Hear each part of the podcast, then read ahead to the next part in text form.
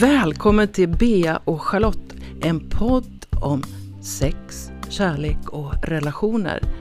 I 52 avsnitt så får du möta oss bortom våra professionella roller som relationscoacher.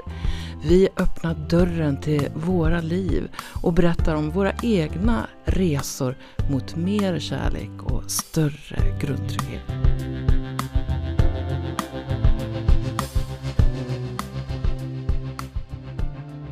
Idag, Bea, ska det handla om självkärlek. Känner du självkärlek? Idag så känner jag så himla mycket självkärlek. På riktigt gör jag det. Jag visste inte, hade ingen aning vad det var. Men vad är det då? Ja men alltså, åh oh, gud vilken bra fråga. Jag ska bara så här backa bandet så här, för många år sedan så tänkte jag när jag hörde det här ordet så här, självkärlek och när jag började gå på liksom, personlighetsutvecklingskurser och så vidare så, så var det så här, ja men vadå ska jag stå i spegeln och så här, säga att jag älskar mig? Det kändes bara falskt liksom. För när jag tittade mig själv i spegeln så såg jag ju bara alla fel. Jag borde vara lite smalare, ha lite längre hår, inte ha den där pricken på näsan och så vidare och så vidare och så vidare. Idag så, så kan jag liksom eh, titta på mig själv, eller jag behöver inte ens titta på mig själv, det är ju bara att vara med mig själv, så tycker jag att jag är själv är härlig att vara med. det är liksom, jag, jag, trivs i mitt eget sällskap. Så. Jag visar mig själv mycket respekt, för det tycker jag har med kärlek att göra. Jag är väldigt nyfiken på mig själv, jag lyssnar på mig själv, jag bjuder in mig själv hela tiden. Så, det är det någonstans som jag har kommit till. Så att idag så kan jag verkligen känna en sån här rush i hela kroppen, sån här äh, förälskelserush till mig själv. Det låter kanske konstigt.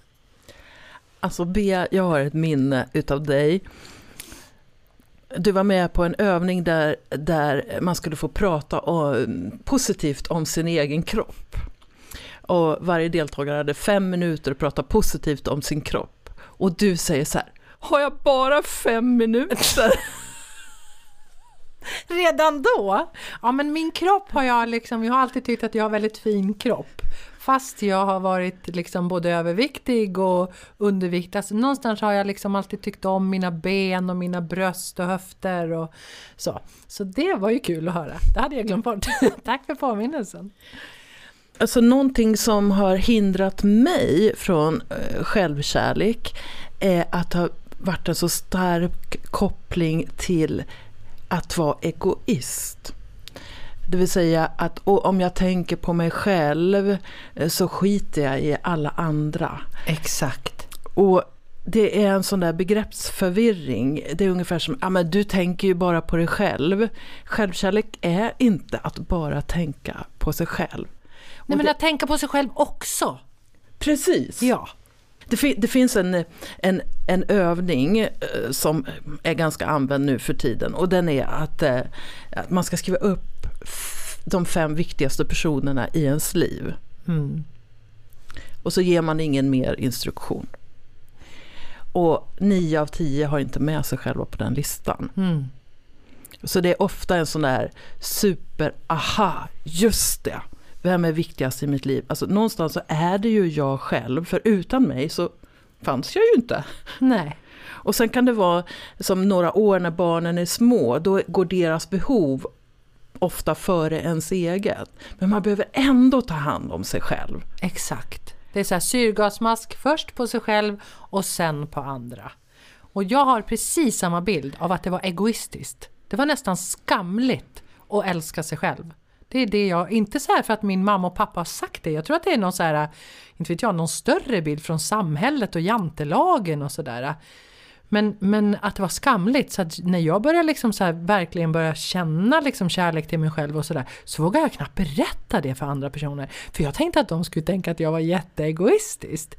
Men sen märkte jag ju att ju mer jag älskar mig själv, desto mer kärlek och generositet och respekt kunde jag också ge till andra människor jag kan verkligen känna igen det där. När jag tittar tillbaks i min historia och så försöker jag kolla på dem jag varit ihop med och så.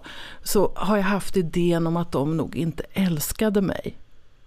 Men nu när jag tittar på det med självkärleksögon så ser jag de, det var flera av dem som försökte visa att de älskade mig.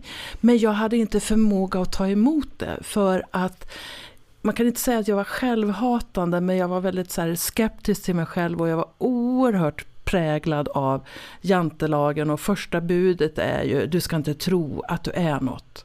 Och om jag inte tror att jag är likable eller lovable, hur ska jag då kunna tro att någon annan är det?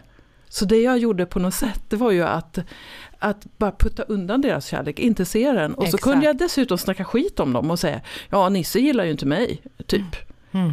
Så att det, det växte ju fram, utifrån bristen på självkärlek så fanns det en slags arrogans, kan jag också se mm.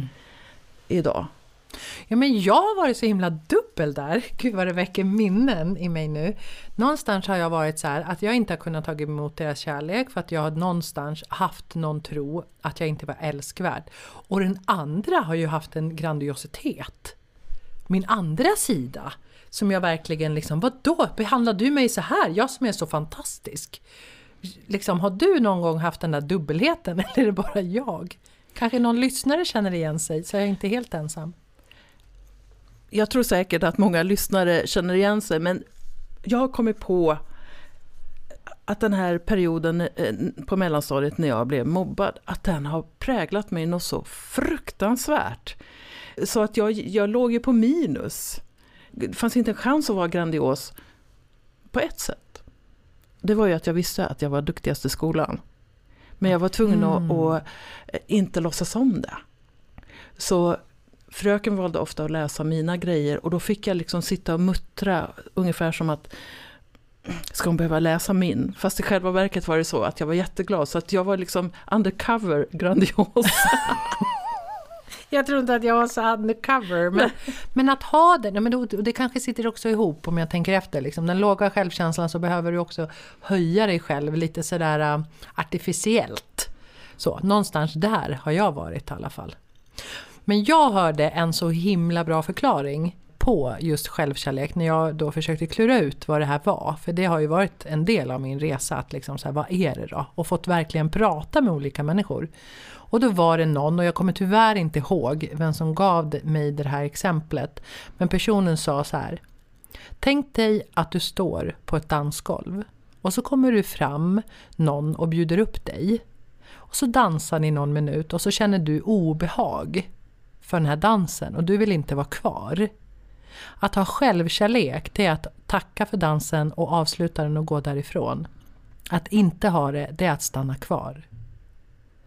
Och det där träffar mig så i hjärtat. Jag minns, jag var på en tantrakurs och så och så var det en man som var vad vi brukar kalla för needy. Han ville verkligen ha någonting utav mig. Och jag tyckte att jag kände ett obehag krypande i kroppen på mig. Så jag sa, nu får du gå härifrån. Och jag tänkte, gud nu har jag dödat honom och, och hemska är och så. Men jag stod, stod kvar i det här. Och sen så dagen efter vid frukosten så satt jag mig vid ett annat bord än honom och jag tänkte gud nu hatar han mig säkert och sådär. Och sen så till fikat, eller alltså det var fika, man satt, det var på Skeppsudden, man satt, då gick han fram till mig och så sa han Tack Charlotte för att du sa, äh, sa det här till mig, jag sa att jag var nidig, jag var nidig. Jag behövde att någon sa det till mig, du har gjort mig en stor tjänst. Mm. Och det var en så häftig grej. Och jag vet att jag har tagit så mycket ansvar för andra genom mitt liv. För jag tänker, om jag inte gör det här så blir Bea ledsen, eller Staffan ledsen, eller Theo ledsen, eller den och den. Och så har jag gått över mina egna eh, gränser för att jag ska duga eller eh, så. Men det jag har gjort är ju att lämna mig själv. Precis. Så hela tiden har jag också hållit på och tyckt liksom, ja men jag kan inte såra den personen så jag sårar hellre mig själv. Det är bara det att vi tänker inte så. Eller jag tänkte i alla fall inte medvetet, nu ska jag såra mig själv. Utan jag ville rädda de andra nej. från att slippa bli sårade. Ja, precis. För, för någonstans är ju tanken så här, nej men det spelar ju ingen roll för mig, jag kan ju ta det här, stackars honom eller stackars, stackars henne. Det är liksom som att vi kan bära och ta så himla mycket hela tiden. Ja, en till aspekt av det där, det är ju att vi på ett sätt så säger vi du är inte tillräckligt stark eller vuxen eller så för att klara den här situationen. Så på ett sätt, genom att ta ansvar för Exakt. andra, så förminskar man dem. Så det är ett gott skäl till att ta sitt ansvar och vi, liksom, känna den här självkärleken och veta att jag kan jag kan värna mina gränser. Ja men precis, och lika som den här mannen då, vem han nu var som du träffade på den här kursen. Om han aldrig blir speglad av sin omgivning att det är någonting som är fel i hans beteende. Eller liksom så här, om det är någon som bjuder upp massa kvinnor på dans och så luktar han inte särskilt gott. Ja men då är det väl kärleksfullt att faktiskt säga det.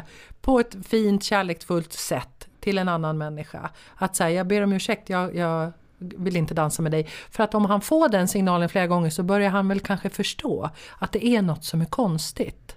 Precis, det håller jag helt med om. Du hade ju inte haft problem med att se kärleksfullt på din kropp. Men, men jag tror att det är en... Alltså att när, när, du ska börja träna på självkärlek, du som lyssnar, så tror jag att det är bra att, att ta med kroppen kroppen i den utforskningen och börja titta på din kropp med större värme och också med vänlighet. Vi är så himla vana vid att se vad är det som inte är fint. Istället för att se vad är det som är fint. Och att långsamt börja acceptera så här, men den här kroppen har jag. Och speciellt i tonåren så är det ju väldigt många som får sin bild av kroppen typ förstörd utav vad de, vad de ser i medier, i reklam etc. Så de får förebilder som är helt sjuka. Alltså jag tycker personligen att det är liksom hemskt när en perfekt 18-åring tänker så här, jag måste ha två, två storlekar större bröst för att duga. Eller, eller jag måste göra intimkirurgi för att mina blygdläppar ser ut mm. på något visst sätt. Jag menar också att det här med självkärlek och självacceptans också kan vara eh, viktigt för att vi ska må också fysiskt bra. Mm. Och jag tänker också att vi kan gå tillbaka till den här listan som vi pratade om i program 1. Att titta på vilka egenskaper man faktiskt tycker om med sig själv. Att titta på den igen nu. Och se, ja men jag kanske tycker om min kreativitet eller lekfullhet eller min fina sångröst eller vad är det du gillar hos dig själv? Och så ge dig själv värme för det. Och umgås med den sidan av dig själv. Otroligt eh, eh, viktigt. Sen vill jag också lägga in en sak till och, och ibland, eh, alltså jag brukar säga så här, att acceptera dig som du är, du duger som du är. Men det betyder ju inte att jag säger, du behöver inte göra någonting. Det är bra som det är, utan det är också fint att ha en strävan att lära sig mer och bli tryggare i sig själv eller vad det kan vara. Det är ju inte bara för att, bara för att du är okej okay nu betyder ju inte det att, att vi bara ska sitta liksom i soffan och inte göra någonting. Vi vill ju utvecklas och, och, och sådär ändå. Så att det kan finnas en förhöjning också i det här. Absolut, det är ju jätteviktigt att säga det. Men jag tänker också just på det här med att jag har ju alltid tyckt att det här med självkärlek har varit en floskel och just det här uttrycket du måste älska dig själv innan du kan älska någon annan. Och jag bara har sagt så här, men det där är bullshit för jag älskade ju andra människor fast jag inte älskade mig själv på det sättet. Men idag när jag har hittat min självkärlek så kan jag ju säga att den där floskeln är faktiskt sann. Därför att jag älskar andra människor och jag visar kärlek på ett helt annat sätt idag. Inte av att jag behöver någonting av dem utan att jag vill ge och tillföra dem någonting i deras liv. Så det är någonstans som jag har liksom programmerat om mig själv. Och jag kan ju, när jag kan omfamna mina egna fel och brister men också min egen storhet och liksom allt som är fantastiskt med mig. Då kan jag också göra det i andra människor. Jag känner mindre konkurrens och jag kan verkligen peppa andra människor att nå sina drömmar och, och så vidare. Och jag kan omfamna deras problem och deras kanske tillkortakommanden på ett helt annat sätt idag. Amen! Där fick du till det, otroligt bra. Jag tänkte att vi skulle avsluta med ett litet tips, eller ett litet verktyg som vi redan har nämnt faktiskt flera gånger. Och det är den här övningen att titta på dig själv i spegeln med vänlighet. Och om det är så att du tycker att det är jättejobbigt att göra det. Så börja med en minut. I alla fall försök hitta någonting Ja, som du någonting. verkligen tycker om med din kropp. Och så nöj dig med det och sen kan du göra lite mer en annan dag. Och så kommer det plötsligt en dag där du kan acceptera hela dig själv. Det vore ju helt fantastiskt.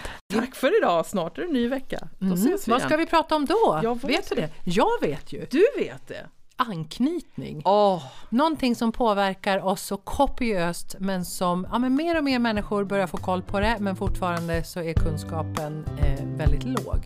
Vi pratar om det nästa vecka. Välkommen tillbaka då. hej.